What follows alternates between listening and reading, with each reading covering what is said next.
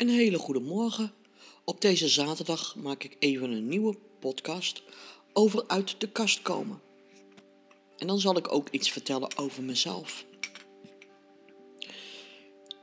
Ik ben jarenlang aan het worstelen geweest vanwege mijn intersexconditie, waarbij ik voor het allergrootste gedeelte vrouw was en voor een klein gedeelte man.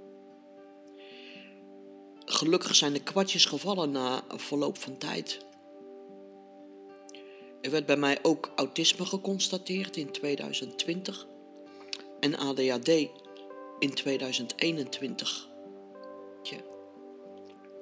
Naderhand is daar ook nog bijgekomen dat ik in transitie ben gegaan en ik heb me daar niet voor geschaamd. Ik heb het openlijk gedeeld. Ik heb ook eigenlijk altijd uh, beseft dat ik lesbisch was. Al heel vroeg. Maar dat was natuurlijk onmogelijk op dat moment, omdat ik nog niet volledig vrouw was.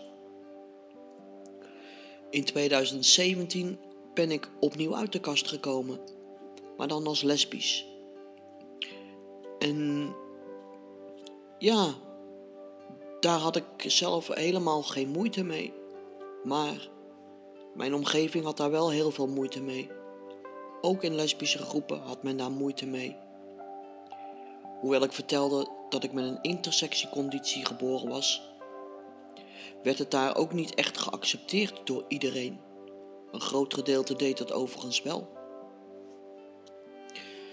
Dus toen ben ik eigenlijk voor het eerst als lesbisch uit de kast gekomen. Ik heb dit jaar mijn volledige transitie achter de rug en dat heeft me heel erg blij gemaakt en maakt me nog steeds heel erg blij. En kan ik ook gewoon openlijk lesbisch zijn. In een kast zitten is eigenlijk helemaal niet zo prettig. Een mens hoort niet in een kast. Opgesloten te zitten, bang om aan je omgeving te vertellen dat je een bepaalde geaardheid hebt. Zoals bijvoorbeeld lesbisch zijn. Kom je uit streng religieuze kringen, dan is het over het algemeen zo dat het daar niet geaccepteerd wordt als je lesbisch of homoseksueel, biseksueel of trans bent. Ik heb mij daar eigenlijk nooit echt veel van aangetrokken, laat ik het zo zeggen. Ik ben uit de kast gekomen en heb me er niet voor geschaamd. Vanaf 2015 ben ik ook naar de Pride gegaan. En daar had ik het altijd heel erg naar mijn zin. Heel jammer dat door COVID het uh, dit jaar ook niet mogelijk was om een echte Kennel Pride te houden.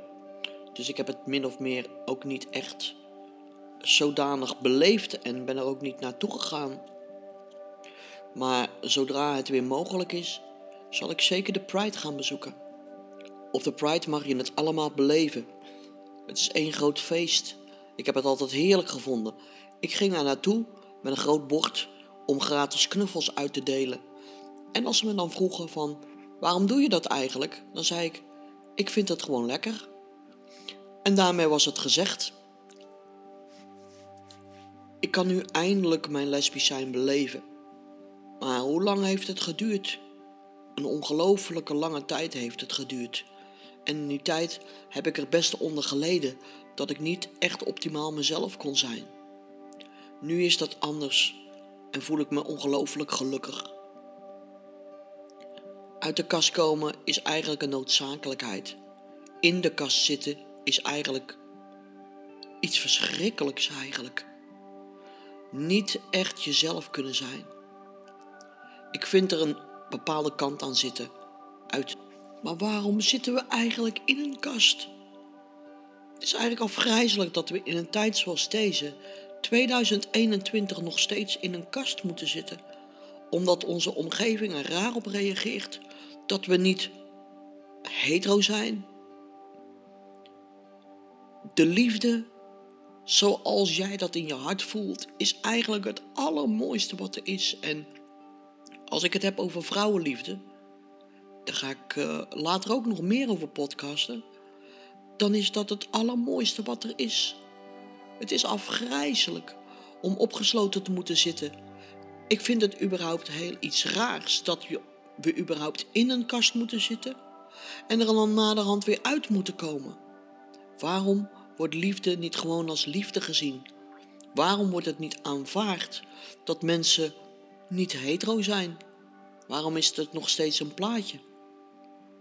In de vorige eeuw, en dan spreken we al ongeveer over 1940, was er een dokter Kinsey die een schaal opgesteld heeft. De Kinsey-schaal, zo genoemd. Ingedeeld in ongeveer 10 categorieën. 10 punten zaten erop, variërend van hetero tot homoseksualiteit en alles wat ertussen zat. Het bleek toen al uit onderzoek dat eigenlijk maar 10% van de ondervraagden zuiver hetero of zuiver homo was. Een heel groot gedeelte zat in het middengebied van biseksualiteit. Dit is al aangetoond in de vorige eeuw. Eigenlijk in principe zouden we kunnen zeggen dat het grootste gedeelte van de mensheid eigenlijk biseksueel is in aanleg.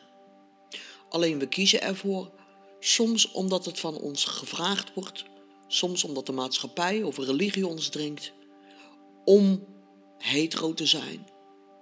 Maar er is niets moois aan heteroseksuele liefde voor mij. Voor iemand die van vrouwen houdt, zoals ik, een vrouw die van vrouwen houdt, of een man die van mannen houdt, is de gedachte aan een heteroseksuele relatie iets afgrijzelijks. Het is niet wat bij je past. Daarom is het zo noodzakelijk om gewoon voor jezelf te kiezen en te durven om überhaupt uit een kast te komen en er openlijk over te zijn. Helaas is het nog zo dat op bepaalde werkplekken of in bepaalde omgevingen, wijken en steden het vrijwel onmogelijk is om je homoseksualiteit te beleven. Dit is toch eigenlijk van de zotte, dit is toch gek, dit is toch dwaas, dit is toch krankzinnig. Dat mensen niet gewoon mogen houden van wie ze houden. Daarom is er nog heel veel te doen in LHBT Nederland qua acceptatie. Laat staan aanvaarding. Laat staan het omhelzen van iemand die gewoon niet hetero is. Eigenlijk in principe zouden we het daar gewoon niet meer moeten hebben. Ben je homo, ben je hetero, ben je bi, ben je trans? Je moet gewoon jezelf kunnen zijn. We hebben de wetgeving mee. We hebben in 2000, eh, voor 2000 al de wet gelijke behandeling gekregen. Eerst heette dat de antidiscriminatiewet, waarin het openlijk is vastgelegd dat iemand niet op grond van ras, geaardheid, gender of wat dan ook gediscrimineerd mag worden. Het is zelfs zo dat er een boete van 800 euro op staat als je dat doet en je kunt het aantonen. De wet is gemaakt om mensen die buiten het normale bootje vallen, buiten de normale normen vallen, te beschermen. We mogen blij zijn dat we in Nederland leven. We hebben de wet aan onze kant. Helaas is er nog steeds veel geweld tegen homo's, lesbiennes, biseksuelen en transgenders in Nederland. Hoe meer mensen er uit de kast komen en durven uit te komen voor hun geaardheid, hoe beter dat het is. Want tenslotte, ieder mens wil zichzelf zijn. Ieder mens wil gelukkig zijn. En te functioneren als hetero, terwijl je eigenlijk homo bent of lesbisch of biseksueel. Dat is eigenlijk het meest verschrikkelijke wat er is. Ik heb die tijd achter de rug. Een hele tijd achter de rug. En het heeft mij ook verwond. Het heeft me van binnen kapot gemaakt.